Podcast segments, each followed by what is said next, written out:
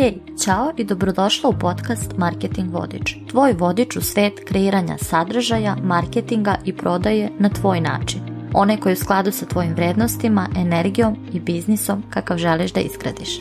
Ja sam Katarina Stanković, biznis mentor i edukator i kroz ove epizode delit ću sa tobom jednostavne, ali konkretne i efektne step by step i behind the scenes strategije i resurse i pokazati ti kako da kreiraš sadržaj i prodaješ sa više samopouzdanja, lakoće, slobode, zabave i razigranosti nego što si ikada pomislila da je moguće. Ako si preduzetnica ili preduzetnica u nastajanju koja želi da izgradi i skalira biznis koji ispunjava na jednostavan i tebi zabavan način, ovaj podcast je mesto na kom želiš biti. Pa hajde da počnemo. Danas imam dve važne vesti za tebe. Prva je to da je ova čak 30. epizoda koju slušaš, poslednja epizoda prve sezone podcasta Marketing Vodič. Hvala ti što si tu i što slušaš iz nedelje u nedelju. Kako je ovo kraj prve sezone, napravit ćemo malu pauzu do druge sezone i novih epizoda koje će, to ti svečano obećavam, biti još bolje od ovih koje si do sada poslušala. Već zapisujem teme kojima ćemo se baviti i jedva čekam da opet krenem sa snimanjem u novoj godini. Do tada, druga vest, danas u podcastu imam fenomenalnu gošću. U pitanju je Milica Obrenović, mentor za prodaju putem društvenih mreža bez plaćanja oglasa. Fun fact je da smo Milice ja jedna drugoj klijentki. Kod Milice jako volim to što je konkretna i direktna. Kod nje nikad nema prazne teorije i hoda. A kako i sama volim nekonvencionalne stvari i nekonvencionalni pristup, nije tajna da obožavam njen drugačiji pristup Instagram marketingu i prodaji, jer apsolutno sve radi drugačije od ostalih Instagram mentora. Kod nje nećeš čuti hiljadu puta ponovljene opšte poznate savete. Zato i ne čudi što sam baš nju danas pozvala da bude gost kako bismo pričali o tome kako da dupliraš prodaju putem Instagrama bez plaćanja oglasa. Znam da te ova tema jako zanima, pa idemo odmah na epizodu. Nadam se da si pripremila papir i olovku. Treba će ti. Zdravo Milice, hvala ti puno što si se odazvala mom pozivu da budeš gost u podcastu eh, Marketing Vodič. Tema o kojoj danas pričamo, verujem da će mnogim preduzetnicama biti korisna i meni je drago da si baš ti moj gost danas i da pričamo na temu dupliranja prodaje putem Instagrama bez plaćanja oglasa. Hvala ti puno što si me pozvala. Jako mi je drago što imam priliku da podelim sve ovo sa tvojim slušalicima. Hajde da krenemo od toga šta je po tvom mišljenju najvažnije za organsku prodaju putem Instagrama. Dakle, ako želimo da povećamo prodaju putem Instagrama, odakle da krenemo već danas? Za uspješnu prodaju na Instagramu jako je važno imati lep sadržaj, ali koji ima neku pozadinu iza toga. Ne samo da bude neka tapeta lepih slika, lepih modela, editovanih fotki, filtera i tako dalje, nego da sve to nosi neku priču sa sobom. Instagram je prerastao tu fazu samo lepih slika, savršeno editovanih videa, velikih tranzicija i tako dalje. I sada se više fokusiramo mi kao korisnici Instagrama na sadržaje koji nosi neku ličnu vrednost za nas neke priče, iskustva, emocije, savete i tako dalje. I ukoliko želimo do narednih par godina nastavimo da postujemo putem Instagrama, koji sve više postaje poslovna društvena mreža, ne samo za ličnu upotrebu, jako je važno da se prilagodimo tome i kreiramo sadržaj kao da ga kreiramo recimo za bliske prijatelje ili za neku jako malu zajednicu, a ne za neku veliku masu, publiku i tako dalje i time se udaljavamo od ljudi kojima u stvari hoćemo da prodajemo. Da li bismo onda mogli da kažemo da je to dakle da krenemo već danas, više taj neki storytelling i pričanje priča? Storytelling, pričanje priča, za one kojima to zvuči jako strašno i kao nešto što mora da se uči, vežba i se vladava, najvažnije je početi od nekih realnih priča koje se nama dešavaju svakodnevno. Postaviti sliku bez šminke, u pidžami, dok radimo, uslikati neuredan sto, neuredne beleške, snimiti se na ulici i tako dalje, neke situacije koje nam se stvarno dešavaju, jer tako u stvari učimo sebe da pričamo priče na instagramičan način, da tako kažem. Apsolutno se slažem. Možda bi mogla više, ali se slažem definitivno. Više puta si na svom Instagram profilu pričala o tome kako lakše kreirati sadržaj.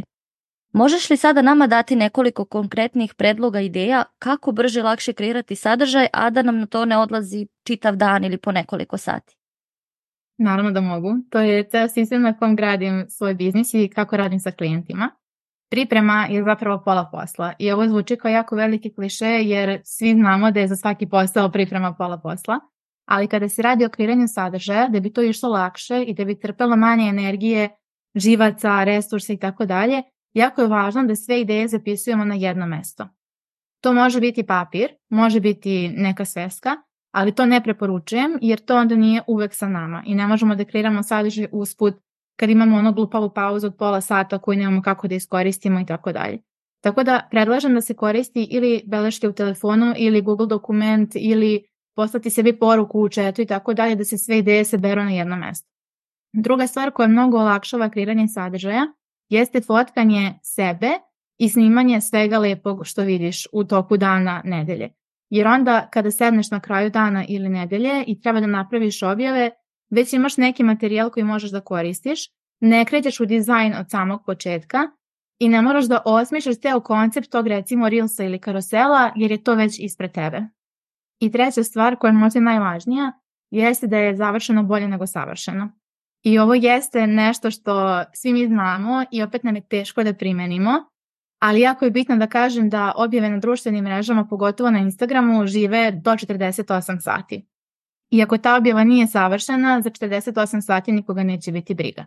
Ali ako budemo čekali jedan dan, deset dana, mesec dana da počnemo da objavimo prvu objavu, da bi ona bila savršena, gubimo jako mnogo, jer ako objavimo pet nesavršenih objava, šest će biti mnogo bolje nego ona prva. Tako da je to ta tri koraka čuvanja ideja na jednom mestu, snimanje i fotkanje usput i ta, taj neperfekcionizam zapravo ključ za kreiranje sadržaja lagano, bez stresa, ali donosi rezultate. Jasno.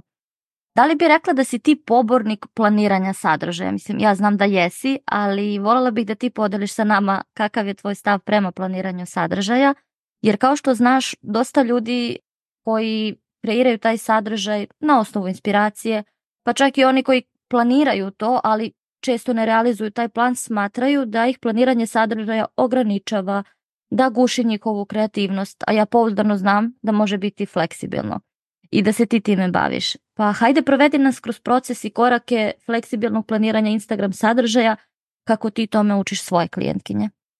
Kod planiranja sadržaja jako je važno da on bude u skladu sa nama. Da mi ne očekujemo od sebe sedam objava nedeljno ako nemamo kapacitet za sedam objava nedeljno.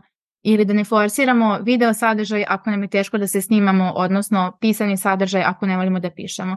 I kada tu stegu eliminišemo, onda možemo zapravo da planiramo sadržaj kakav odgovara i nama i našoj ciljnoj grupi. Jedan ciklus prodaje na Instagramu sastoji se od pet faza. Prva faza je zagrevanje publike, druga je predstavljanje ponude, treća je prodaja, četvrta je potvrda kvaliteta i peta ponovo prodaja. I mi kada znamo kako taj ciklus izgleda, jako je lako da u okviru smjernica koje svaki od tih ciklusa sa sobom nosi, kreiramo poluimprovizovani sadržaj. Odnosno da kada znamo kako taj sistem prodaje radi, na šta ljudi reaguju i kako u stvari donose odluku o kupovini, mi možemo da kreiramo sadržaj usput, bez strogog plana, bez da je svaka objava razgrađena u napred i tako dalje. I onda nemamo to ograničenje samog planiranja, da nemamo prostor za neki nalet inspiracije, za neku novu ideju umeđu vremenu, da ispravimo nešto ako nismo bili zadovoljni, a s druge strane imamo neki temelj prodaje i možemo da očekujemo određeni iznos klijenata, priliva i tako dalje i da taj naš posao na Instagramu ne bude hobi i ko se upeca kupiće, nego da stvarno bude posao koji ima određeni plan, strukturu i priliv. Verujem da će to dosta olakšati onima koji se osjećaju sputano planiranjem sadržaja. Pomenula si jedan ciklus prodaje na Instagramu i pet faza. Tvoja najpopularnija i najprodavanija edukacija je ona o idejama za objave koje prodaju, tačnije za 50 konkretnih ideja koje prodaju. Od svih tih ideja, kojih pet bi rekla da najviše prodaju i da bi svi trebalo da ih imaju na svom profilu tokom lansiranja ili prodajne kampanje. I naravno, ako želiš, slobodno razloži svaku od njih ili da ideje kako da ih realizujemo u praksi. Ovo je pet ideja koje najčešće dajem klijentima kada ne znaju odakle da krenu I ovo je pet ideja kojima se ja vraćam kada počinjem neku kampanju ili kada hoću da ubrzam proces prodaje, da povećam broj klijenata i tako dalje. I pre nego što kažem koje su tačne ideje i kako da ih realizujemo, hoću da istaknem da su ovo ideje koje rade bez reči kupi, bez toga da mi išta otvoreno i napadno prodajemo, već prosto pričamo o našoj ponudi o nama na takav način da ljudi prosto ne mogu da nas odbiju. I da će čak i ako smo predstavili neku ponudu u opisu, u videu, u samoj objavi, prihvatiti tu ponudu i pitati ima li još ili šta još mogu da radim. Za to stvarno imam dokaze i to možete pogledati kod mene u highlightsima u vidu utisaka moje klijenata i kakve su oni rezultate imali. Ostavit ćemo to u beleškama ispod epizode, link do tvog profila, tako da mogu da vide. Prva ideja je ovo ili ono, odnosno sadržaj koji iznosi dva stava, dve opcije, dva načina rada, dve vrste ponude, u poređenje, navodimo karakteristike i jedne i druge opcije i ljude pitamo za šta bi se oni preodlučili. Iako je važno da istaknem da ovo nije prodajna objava, nego ona objava koja pokreće razgovore u DM-u o temama koje smo izneli. Tako da ne bih u komparaciji stavila dve svoje ponude, koju ponudu biste vi izabrali, zato što onda jedna ponuda ispada loša u tom poređenju. Nego bih se fokusirala više da li više volite individualni rad ili rad u grupi, da li više volite lupiću sad časove ujutru ili posle podne, kada ste produktivniji, da li koristite više digitalne alate za planiranje organizaciju ili papir i oloko i tako dalje. Ta vrsta sadržaja koje će ljude podeliti u neke dve grupe, gde ni jedna grupa neće ispasti loša. Druga ideja koju se uvek vraćam jeste prošle godine u ovo vreme. Iako je sad decembar i vreme neke retrospekcije, sabiranja utisaka, čekiranja ciljeva, vision boarda i tako dalje, ovo nije ideja za objavu koja se radi samo u decembru. Radi se svaki put kada dostignemo neki milestone, neki checkpoint u svom planu i kada ostvarimo nešto na čemu smo dugo radili. Pravimo retrospektivu u poslednjih godinu dana ili pet godina ili šest meseci, zavisi koji je bio taj intenzivni period, nabrajamo na čemu smo sve radili, šta smo sve ostvarili i kako smo stigli do tog nekog uspeha ili neke situacije. Recimo kako smo došli do 100 novih klijenata ili kako smo stigli do toga da naši proizvodi sada stoje i u tuđim radnjama, ne samo u našoj radnji i tako dalje. Na taj način pokazujemo kako mi sve radimo na sebi, na svom biznisu, na svojoj ponudi i to kontinuirano i da taj naš uspeh nije samo pao s neba, nego da se prosto na tome radi. I ljudi se jako vezuju za takve objave, pogotovo oni koji nas duže vreme prate i prate taj naš progres cijele godine ili u cijelom tom periodu i onda prosto ne mogu da ne kupe kada vide da su deo takve priče. Treća ideja za objavu jeste predstavljanje. I ovo je nešto što većina ljudi radi jako pogrešno, tako da su reći samo kako ne treba da se radi, a onda je predlog kako može da se uradi. Ne treba da prva objava na novom profilu bude predstavljanje. Ne treba da to bude CV, koliko ste školovani, šta ste završili, da li ste radili u banci, da li je ovo bio hobi pa posao i tako dalje. Jer ovo nije prijava za posao, niko neće iščitavati, to nikoga zapravo nije briga. To zvuči surovo, ali stvarno jeste tako. Ideja kako da se predstavite je na interesantan način ljudima da oni odmah imaju viziju o tome kakvi ste vi. Radila sam 10 godina u banci, ne daje viziju o tome kakva si ti osoba, kako je razgovarati s tobom, kakvu ti uslugu pružaš. Ali kada kažeš ovakva nisam, to ljudima daje viziju o tome kakva ti zapravo jesi. Osoba sa kojom se poredimo, odnosno na koju ne ličimo, može da bude neka osoba, neki lik iz filma, neki stereotip osobe koji smo svi imali u životu, recimo nervozni nastavnik ili tako nešto, dosadni komšija i nešto slično, a može da bude i neki totalno fiktivan lik koji uopšte ne postoji iz knjige, iz filma, iz serije, nije važno. Bitno je samo da istaknemo koje su naše zajedničke karakteristike sa njima, odnosno koje ne delimo i zbog čega smo bolji u odnosu na taj, taj način rada. Četvrta ideja za objavu se tiče kako su ljudi uticali na razvoj naše ponudi i našeg proizvoda. Najviše na to kako su ljudi koji su kupili od nas zapravo uticali na to. Uporedimo našu recimo inicijalnu verziju proizvoda ili ponude, kažemo kakav smo feedback dobili od svojih korisnika, zahvalimo im se kroz tu objavu na tom feedbacku jer je feedback zaista jako vredan. Niko god je tražio feedback nekada, konstruktivan feedback, ne testimonial, zna koliko je to teško dobiti i onda pokažemo šta smo napravili u odnosu na te komentare, prigovore i povratne informacije. Na taj način mi ljudima pokazujemo da ih čujemo, da su deo procesa i da je sve to što mi zapravo radimo, radimo za njih, a ne da im uvaljujemo neku našu ideju i ono što mi želimo zapravo. I posljednja objava naslanja se malo na ovu prethodnu, a to je poređenje moje dve ponude. Na ovaj način želimo da pokažemo ljudima koliki je zapravo spektar problema mi rešavamo, kakve sve pristupe možemo da imamo. Ja najčešće dajem primere nastavnika jezika, jer smo svi nekada učili jezik negde i najviše možemo da se poistovetimo s tim. Pa bi primjer za ovu objavu bio, ako želiš da brzo položiš ispit za recimo B2 nivo jezika, individualni časovi intenzivno kursa su za tebe, a ako želiš da samopouzdano razgovaraš sa strancima, prijavi se na grupni konverzacijski kurs.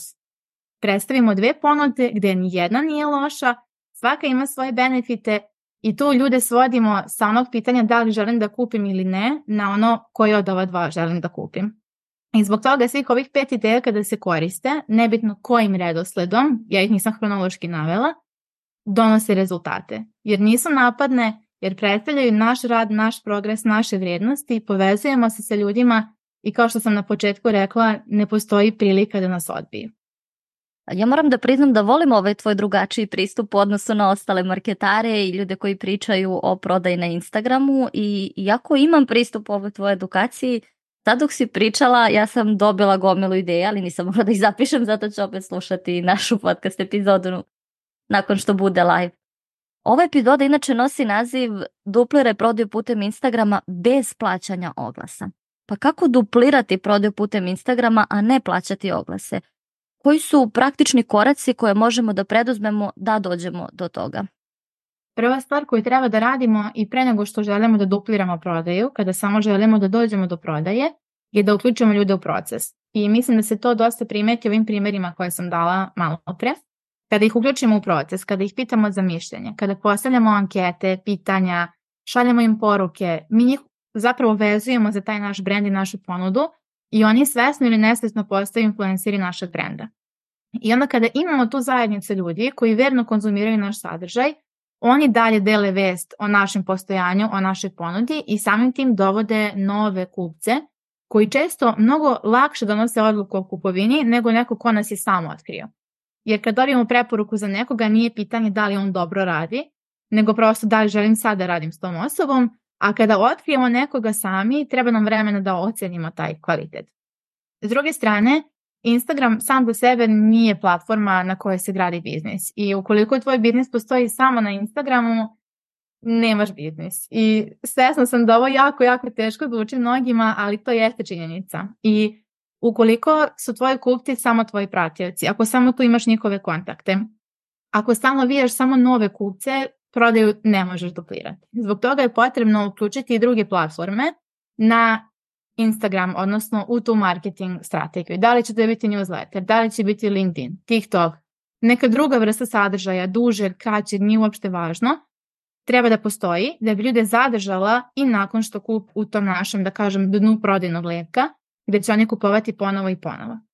Mnogo je lakše prodati osobi koja je već kupila od nas nego stalno vijeti nove ljude. I baš zbog toga nama za uspješno prodanje na društvenim mrežama ne treba plaćanje oglasa, jer se preko 70% naših kupaca već nalazi među pratiocima, samo kroz ovakav sadržaj koji sam navela u prethodnim primjerima treba da ih pretvorimo u kupce, a onda kroz neke druge akcije digital marketing strategije koje nemaju veze sa društvenim mrežama treba da ih zadržimo i pretvorimo u ponovljene kupce.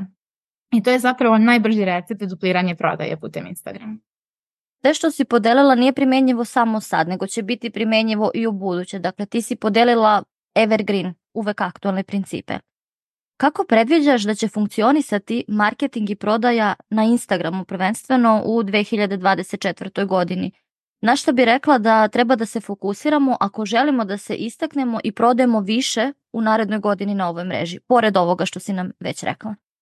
Kako si pričala ovo, izvukla sam odmah tri neka koncepta koje hoću da podelim. Prvi je prodaja bez prodaje, odnosno koncept video poziva kako ga objašnjavam klijentima. Više ne postoji osoba kreator sadržaja i publika koja tu osobu prati jedva čeka da izbaci nove objave, da slika šta je gde kupila, da se slika negde daleko na nekoj fancy lokaciji i tako dalje, nego to postaje razgovor. Moramo da ostvarujemo mi kao kreator sadržaja, kao osoba iz biznis profila, interakciju sa našim pratiocima. I mi treba da je postičemo. Mi treba da odgovaramo na komentare ljudima. Mi treba da na osnovu njihovog feedbacka opet kreiramo neki novi sadržaj. Kada pokrećemo neke nizove objava, treba da povezujemo to komentarima na koje odgovaramo. Treba da umrežimo sve platforme koje koristimo na jednu baznu platformu i tu zapravo okupimo ljude čiji ćemo mišljenje slušati.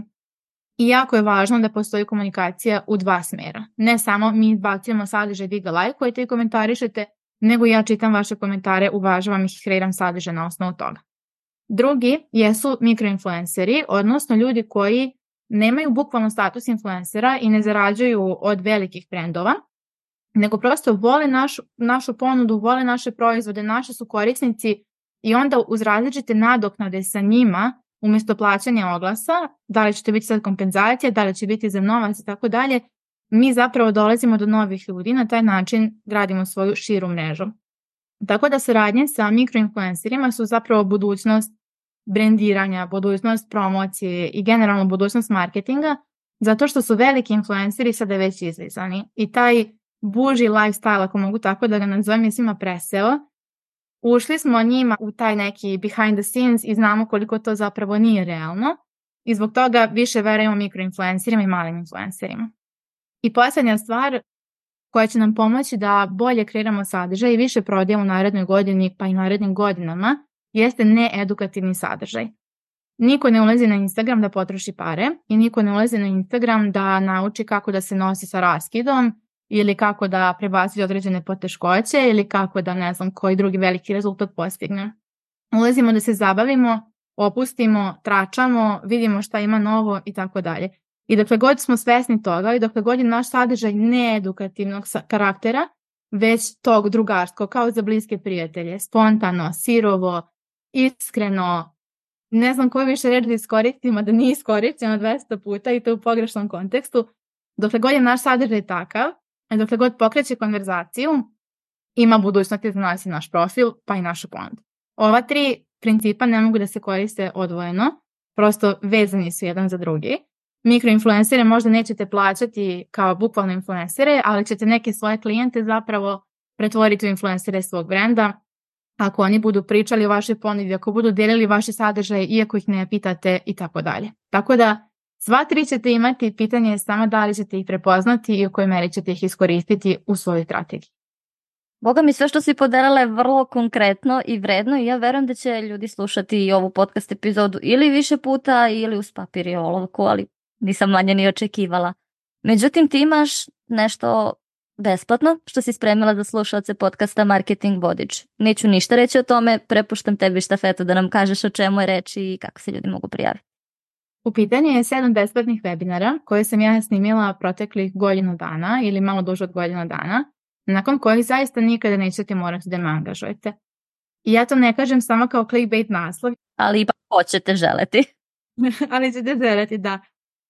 U pitanju je sedam webinara na teme ideje za objave, kreiranja prodajne strategije, pisanja za Instagram, snimanja Reelsa, ne znam više ni koje su sve teme obrađene. Uglavnom, jako je raznovrsno, pokriva svaki segment poslovanja na svim društvenim mrežama, ne samo na Instagramu. Webinari su pitki, prate ih prezentacije, puni su konkretnih saveta, kao i ova podcast epizoda. Tako da ćete ih sigurno gledati uz papir i olovku, što kaže Kaća sigurno nećete moći da ih ubrzate na 1.5, 1.75 zato što ja dovoljno brzo pričam jer hoću što manje vremena, što više vrednosti da vam dam. Tako da u opisu, u beleškama možete pronaći link kako da se prijavite za ove webinare. Kada podijelite vest o tome da ste se prijavili, ja ću vam poslati svih sedam webinara.